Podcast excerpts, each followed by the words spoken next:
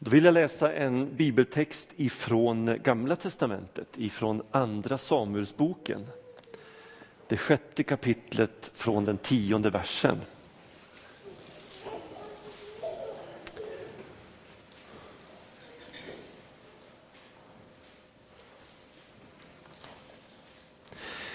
Jag kan läsa från den nionde faktiskt. David fruktade Herren och undrade hur han skulle få Herrens ark förd till sig.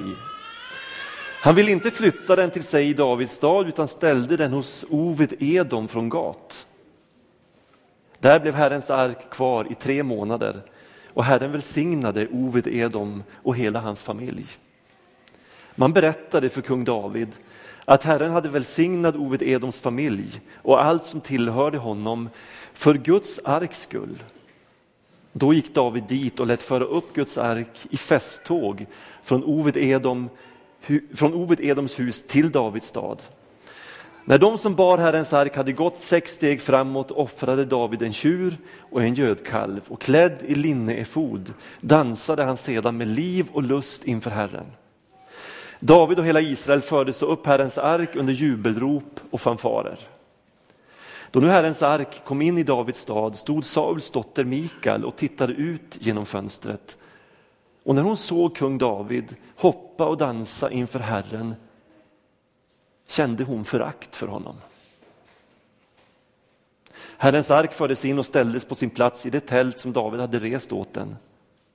Sedan offrade David brännoffer inför Herren och även gemenskapsoffer. Och då han hade avslutat offren välsignade han folket med Herren Sebaots namn.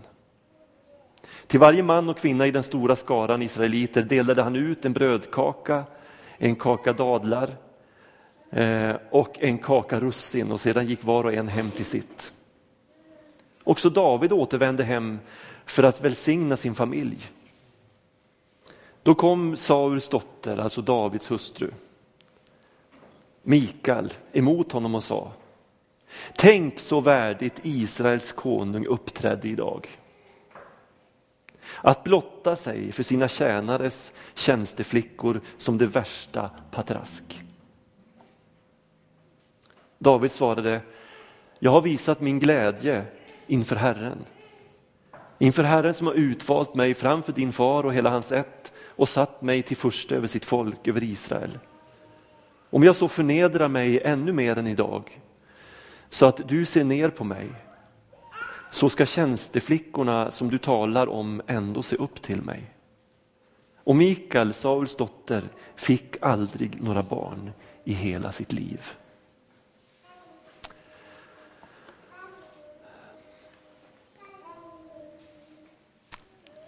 Ett fartyg möter ett kraftigt ljus i natten och eh, sänder ut ett meddelande. Gira omedelbart. 25 grader styrbord. Svaret kommer omedelbart. Från ljuset, nej det är du som ska gira 25 grader styrbord. Kaptenen tar igenom er och säger att det här kommer att gå illa, gira omedelbart 25 grader styrbord. Nej, kommer svaret, det är du som ska gira 25 grader styrbord. En tredje försök, det här är ett slagskepp och jag är amiral på det här skeppet, gira omedelbart 25 grader styrbord. Ja, men det här är en fyr och jag är fyrvaktaren. Gira omedelbart 25 grader styrbord. Ofta i livet så har vi väldigt stor anledning att vara ödmjuka. Högmod och stolthet i våra liv kan lätt få katastrofala följder. Idag är det församlingssöndag och det är ju alltid en fest tycker jag, när vi kan mötas som hel församling. Det innebär att vi kommer att fira nattvard. Vi säger ofta Herrens heliga nattvard. Och inför det där ordet helig så tror jag att vi reagerar väldigt, väldigt olika. Eh, det är ett uttryck som jag tror fyller många människor med vördnad och med respekt. Men Jag tror också att det fyller många med glädje och med hänförelse. Och på något sätt är det i spänningsfältet mellan de här två känslorna, upplevelserna inför Guds helighet som min predikan kommer att, att röra sig idag. Vördnad, respekt, det Bibeln kallar för gudsfruktan. Och glädje och hänförelse eh, inför samma företeelse. Jag kommer att väva samman två berättelser ur Gamla Testamentet. Den ena handlar om patriarken Jakob, jag ska återkomma till det. Och den andra om kung David utifrån den här texten som vi har läst tillsammans. För dig som inte är van bibelläsare och du finns säkert med i vår gudstjänst eller lyssnar vid radion så, så är ju kanske inte den här texten så lätt att förstå och sätta sig in i. Och jag kanske inte har den tid som behövs för att måla hela bilden för dig. Men den här arken som det talas om, den som kung David ville föra upp till sin stad och som han dansar framför. Det var en, en, en kista i guld. Måtten finns väldigt tydligt angivna i Bibeln. Den var 120 cm gånger 70 cm gånger 70 cm. Alltså 120 lång, 70 bred, 70 hög med ett lock som kallades för nådastolen på vilken det också fanns utsidade keruber, alltså änglaväsen. Och det här var det viktigaste föremålet i tabernaklet. Och tabernaklet det var Israels folks helgedom under ökenvandringen från fångenskapen i Egypten till friheten i Kanans land. Eh, och sen i förlängningen också då i, i Israel som ju det här handlar om, den här texten vi har läst nu. Det var in i det innersta rummet i tabernaklet, det allra heligaste som översteprästen fick gå en gång om året. Bara han fick gå in där. En gång om året för att försona sin egen och folkets synder. Han gick in till arken, till nådastolen. Ehm, den fick inte vidröras. Utan den bars med guldöverdragna stänger som träddes i, i ringar som satt i hörnen på den här kistan. Ehm, och i den här kistan så fanns lagens tavlor med de tio buden. Där fanns eh, en kruka med manna från ökenvandringen. En påminnelse om Guds stora omsorg. Och där fanns också Arons stav, alltså Mose brors stav som hade, spelade en, en, en speciell roll i i befrielsen av folket från Egyptens fångenskap. Och den här eh, arken, den här kistan, den, den, har ju, den, den, den kittlar ju fantasin. Eh, den, den, det är ju något alldeles speciellt. Jag vet inte, ni som är lite yngre, men inte alltför unga, ni såg säkert den första jakten på den försvunna filmen. Alltså Steven Spielbergs första film som heter Jakten på den försvunna skatten. Den kom 1981, var eh, en av Spielbergs allra största filmer och den handlade om att åter hitta arken. Och jag tror att det här har kittlat historier genom hela historien. Finns den någonstans? Är den undangömd någonstans? Det finns de som säger att den finns i judiskt förvar någonstans i, på något hemligt ställe. Vilket naturligtvis inte alls är säkert. Men den kittlar fantasin. Därför att den den var något alldeles speciellt. Arken representerade Guds helighet och Guds mäktigt verkande närvaro. Guds tron skulle man kunna säga. Mitt i Israels församling. Och den innebar välsignelse för folket. Eh, den förde med sig en massa gott. Och det handlade inte om magi. Som det ju kan handla om i många andra sammanhang, i, i andra Eh, i okulta sammanhang och annat där man liksom sysslar med magi och sånt. Men här handlar det inte om magi.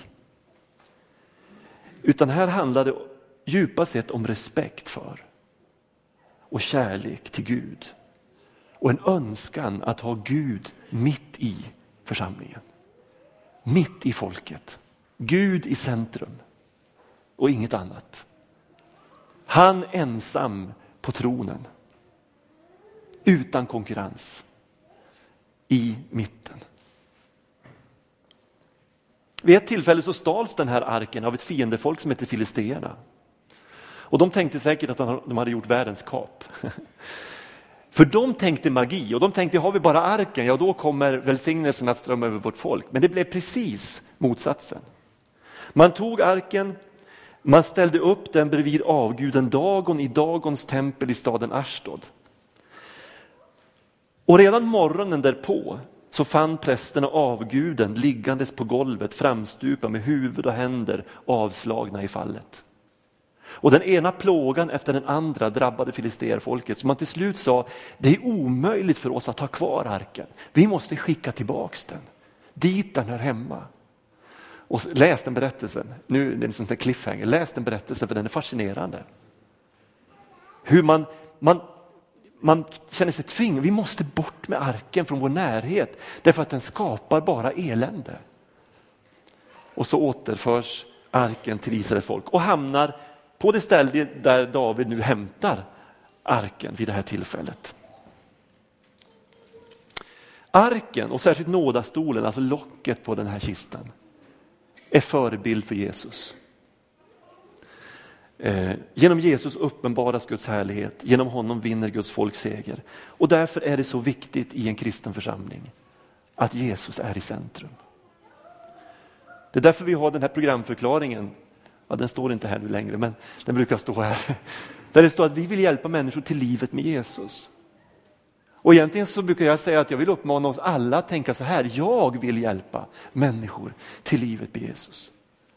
Genom att leva nära Gud, genom att leva nära mina syskon i tron, genom att leva nära samhället.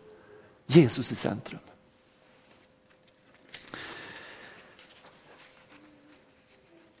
Det här med att glömma sig själv i hänförelse, för det är ju det som den här texten handlar om. David dansar i hänförelse inför arken tycker jag är intressant att fundera kring.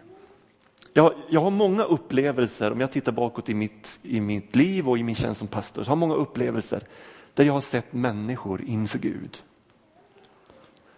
Och det är alltid lika vackert. Åtminstone i mina ögon är det alltid lika vackert. Jag minns ett tillfälle, Eh, jag kanske berättade det här före. på den tiden när jag var lite yngre och var, var ungdomspastor som Andreas medarbetare i olika församlingar så var jag bland annat med på Segelstorp som är ett stort ungdomsläger som fortfarande äger rum varje sommar. Och jag minns ett, en, en, en bön, en kvällssamling som vi hade på det här Segelstorplägret. Där Guds närhet blev väldigt påtaglig. Gud kom liksom över alla dessa ungdomar. Och jag minns särskilt en ung flicka. Jag, jag stod ungefär här, hon satt ungefär där i en, i en, på en stol vid ett bord. Och under den här samlingen så, så förflyttas hon på något sätt. Jag förstår att hon själv upplever det så, för att hon, hon, hon böjer på något sätt knä i upprätt ställning. Förstår ni? Hon böjer knä med, med, med överkroppen upprätt. Hon, hon med, med öppna ögon. Hon, hon ser någonting på, alltså jag, jag, jag, jag anar att hon ser någonting i sin, i sin Guds eh, upplevelse. Så hon fixerar någonting på väggen. Och Jag tycker hennes ansikte strålar. Tårarna rinner ut för hennes kinder, men det är inga sorgetårar utan det är, det, det är så vackert. Att jag kan inte beskriva detta när jag ser den här flickan i hänförelse inför Gud. Och Det här pågår under lång tid. Hon, hon är helt omedveten om alla runt omkring. Hon är bara inför Gud. Eh, och jag skulle kunna ge många sådana här exempel och även från mitt eget liv där på något sätt omgivningen har, har, har smält bort och det är bara jag och Gud. Och Gud är så påtaglig, så närvarande. Och egentligen eh, så, så, så handlar ju Guds relationen precis om detta, om en sorts självförglömmelse. All gemenskap oavsett om det är med Gud eller med människor, förutsätter i viss mening ett uttåg ur mig själv. För det, stora problemet för oss i västerlandet, men jag tror för människor generellt över hela världen, Det är det Luther kallar för, för egoisten i oss. Han säger människan inkrökt i sig själv. Och Det här är på många sätt vår förbannelse, att vi är så självupptagna. Det, det, är, liksom, det, det är jag och mitt hela tiden. Peter Halldorf skriver i boken Drick ut av anden om det här uttåget ur oss själva. Han beskriver där också att Eh, det här är vad den helige ande vill göra i oss och har sin stora glädje i att göra. Att på något sätt lyfta ut oss ur oss själva. I en självförglömmelse. I en Guds centrering. Eh, han skriver så här, därför är det inte fel att tala om extas när det gäller den helige ande och att vara fylld av anden. Innebörden av extas är nämligen att föras ut ur sig själv. Uppfyllelsen av helig ande är en erfarenhet som får oss att gå ut ur oss själva, släppa kontrollen och villkorslöst ge oss hän åt den andra. Det är när man går ut ur sig själv som man blir hemma hos sig själv. Vilket är den verkliga innebörden i Jesus stora ord om att den som mister sitt liv, han ska rädda det. All gemenskap förutsätter uppbrottet från ett jag till ett du. Och kanske borde vi inte vara så rädda för extasen på det andliga området. En sann extas i den heliga ande gör oss inte introverta och självupptagna. Den befriar oss från navelskåderi och självbespegling och leder till en gemenskapens förening med Gud och därmed också till våra medmänniskor. Så skriver Peter Halldorf i boken Drick ut av anden. Och därför är jag övertygad om att när David dansar inför arken, som jag läste i den där texten, så är David sig själv som aldrig förr. Klädd i linneefod dansade han med liv och lust inför Herren och han får folket med sig. Och det står att de förde upp Herrens ark under jubelrop och fanfarer. Här är kung David i sitt esse. Ehm, han välsignar folket, han delar ut mat så att alla får och alla är i hänförelse. Fria människor dansar i glädje inför en helig Gud. Det är vad den här texten handlar om. Och, och, nu vill jag ställa en fråga. Jag gör det inte för att du ska känna dig nedtryckt utan för att du ska vara öppen och ärlig inför Gud. När var du senast hänförd? Inför Gud. När glömde du dig själv? Och bara hängav dig åt den heliges närvaro. I ditt liv, i gemenskapen. Nu skulle jag vilja gå till den andra personligheten i, i, i, som jag ville beröra, Jakob. Um, det finns ett, ett, en mening i första Mosebok 32, vers 7, som lyder så här. Jakob blev mycket förskräckt och greps av ångest. Jakob blev mycket förskräckt och greps av ångest.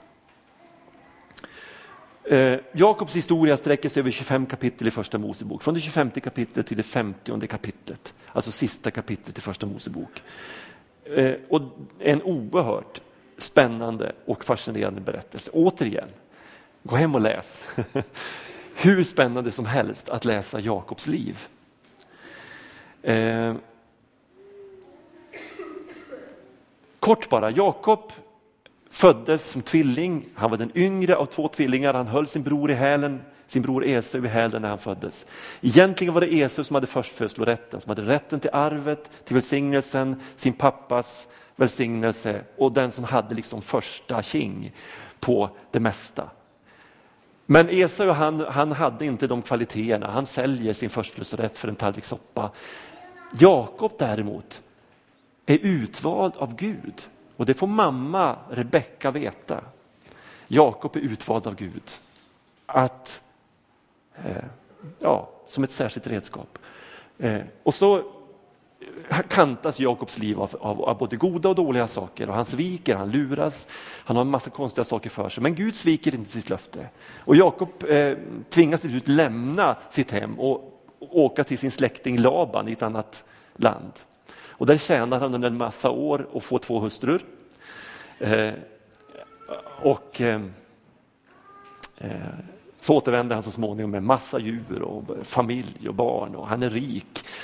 Och han kommer och så får han höra att Esau är på väg emot dig med en stor skara människor, alltså storebror då, eh, som bara var några sekunder äldre.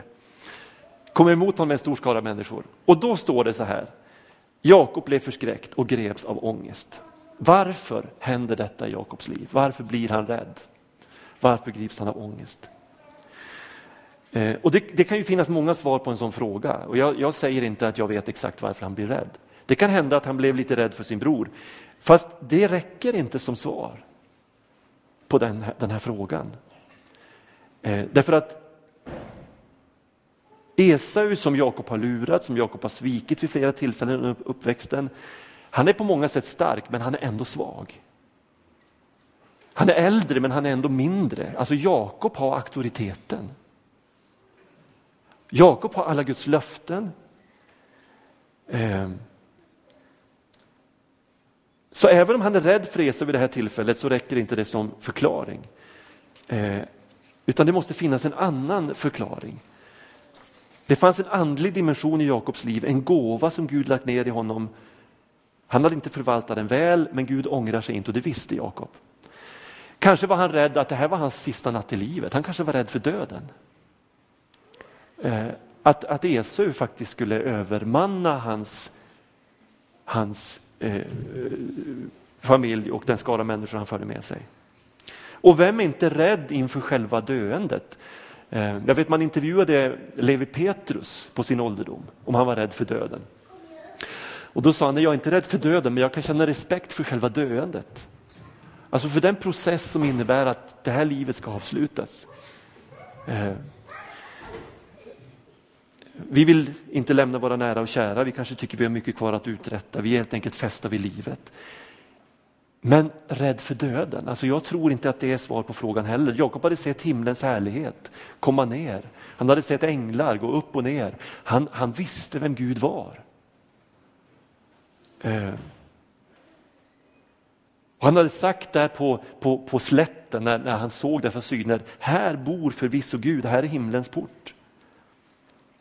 Och han handlar inte heller som om han vore rädd för döden. Kanske var han rädd för Gud. Jakob visste vad, vad vördnad för Gud innebär. Han, han visste vad gudsfruktan är för något. Och han visste att det inte är detsamma som att vara rädd för Gud. För Jakob visste visserligen om Guds helighet och Guds makt, men han visste också att Gud är kärlek. Han visste att Gud är barmhärtighet och godhet. Och han hade mött så oändligt mycket av denna godhet i sitt liv.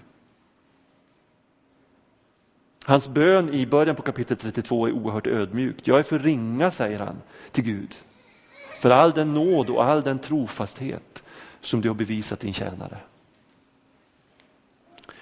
Så varför blev han då så förskräckt? Varför greps Jakob av ångest? Det enda rimliga är att Jakob i det här ögonblicket blev så rädd för sig själv att han greps av ångest. Kanske minns han sveken, kanske minns han lögnerna och nu ser han dem plötsligt i ett kristallklart ljus. Och det förflutna i våra liv belyst av evighetens ljus. Våra liv inför den helige Gud är inte alltid en vacker syn. Alla dessa år i det hedniska Padam Aram, hur hade det påverkat honom? Hur hade det påverkat hans inre? Hur mycket skräp hade han samlat på sig under de här åren? Vilken bild av Gud hade han förmedlat till sin familj? till sina barn. Hade han verkligen Gud med sig nu när han stod där med Esau framför sig med hela hans här?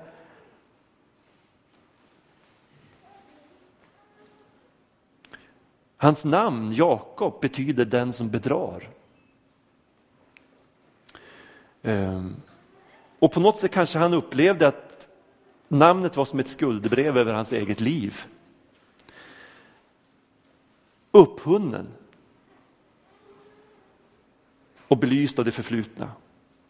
Guds helighetsljus mitt i hans inre. Han blir förskräckt. Han grips av ångest. Hur ska vi se på de här tillfällena i livet när, när våra livsmönster, som vi kanske ursäktat så många gånger, får underkänt av en helig Gud? När sömnen sviker oss därför att vi plötsligt ser oss själva som vi verkligen är. Jakob brottas den natten med Gud. Så här står det. Då brottades en man med honom ända till morgonrodnaden. Och när mannen såg att han inte kunde övervinna Jakob slog han honom på höftleden så att höften gick ur led medan han brottades med honom. Och han sa, släpp mig för morgonrodnaden har gått upp. Men Jakob svarade, jag släpper dig inte förrän du välsignar mig. Då sa han till honom, du ska inte längre heta Jakob utan Israel.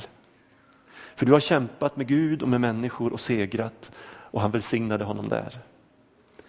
Jakob tänkte, jag har sett Gud ansikte mot ansikte och ändå har mitt liv skonats. När han gick därifrån såg han solen gå upp och han haltade på höften. Ensam i natten brottas han med Gud. Hela natten lång pågår en ursinnig kamp. En kamp som för Jakob är på liv och död. Hela texten är så märklig. Det är ju en absurd tanke att Gud inte skulle rå på Jakob. Varför krossar han inte Jakob? Kanske för att Jakob inte längre slåss för sig själv.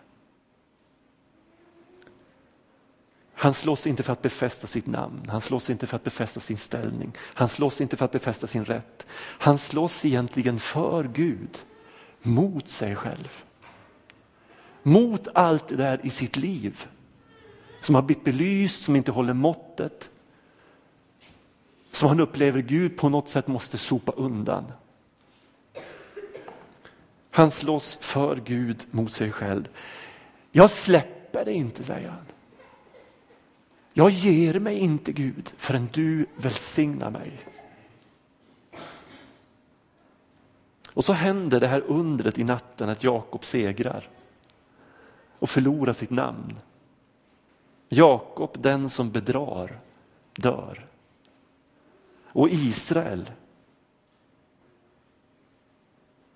vinner.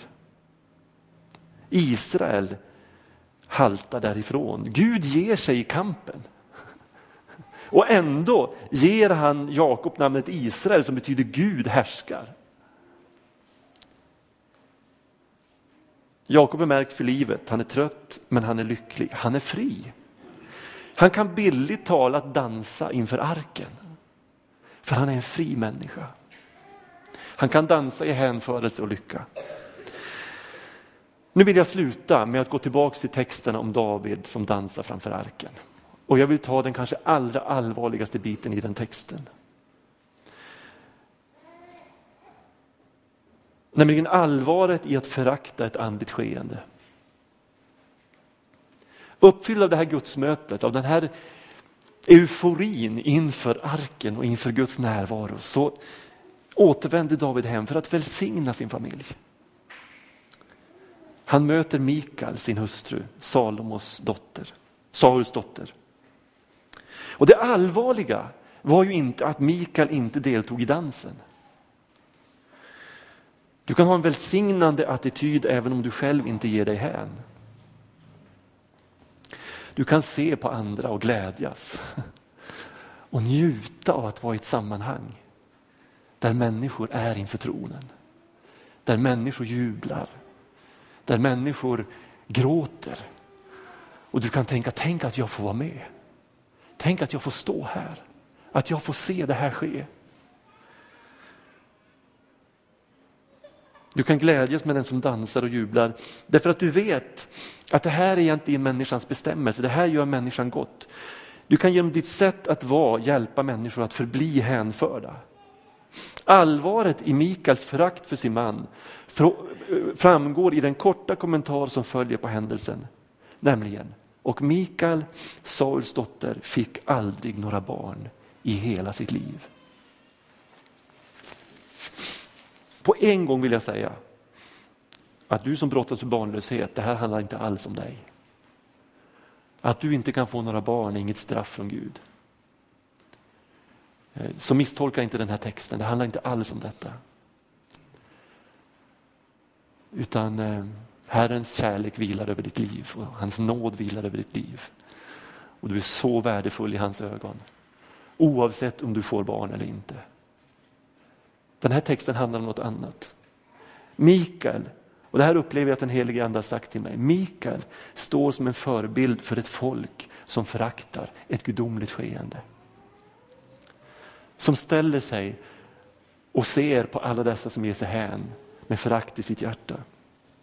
Hennes barnlöshet står som en symbol för den fruktlösa kyrkan.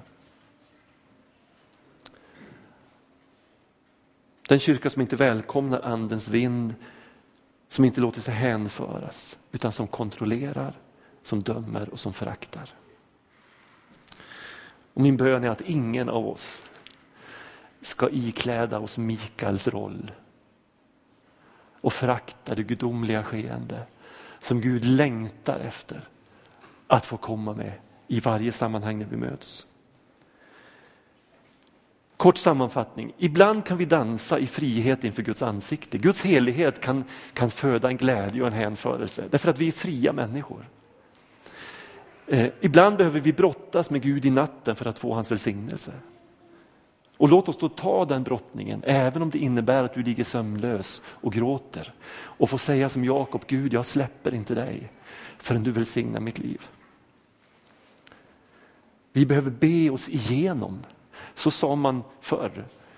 Att på något sätt be sig igenom tills du vet att hjärtat är fritt och helt och det finns ingenting mellan mig och Gud. Både dansen och brottningen har sin utgångspunkt i Guds helighet. Och vi kommer att gå igenom de här olika faserna i vårt liv, gång på gång på gång. Glädje och hänförelse men också brottning och kamp. Men allting har sin utgångspunkt i en helig Gud som älskar oss. Amen. Tack Gud att vi nu ska få fira nattvard. Vi ska få komma inför ditt bord, inför din helighet. Jag vet att du vill att vi kommer fria, glada, hängivna. Men du vet också hur vi ibland trasslar till det, hur vi ibland fastnar i livet. Hur vi ibland blir kluvna i våra val. Hur vi ibland eh, trampar på våra övertygelser kompromissar med sanningen. Sviker våra närmaste. Och vi behöver komma inför dig med vår nöd. Tack att du inte stöter bort oss när vi kommer med vår kamp, när vi kommer i vår vånda. Därför ber jag dig att du hjälper oss att vara sanna inför din helighet den här stunden. Herre, jag ber att den som känner sig fri och glad ska våga visa det och ge sig hän inför din tron. Jag ber också att den som känner sig förkrossad idag ska ta det på allvar. Söka ditt ansikte. Be att du på nytt börjar om på drejskivan. Skapar ett kärl till hedersamt bruk. Och tack att du är nådefull och barmhärtig och god. Så att du vill upprätta och hela och läka på nytt fyllda med din glädje och din frid. Tack att du är här just nu. I Jesu namn. Amen.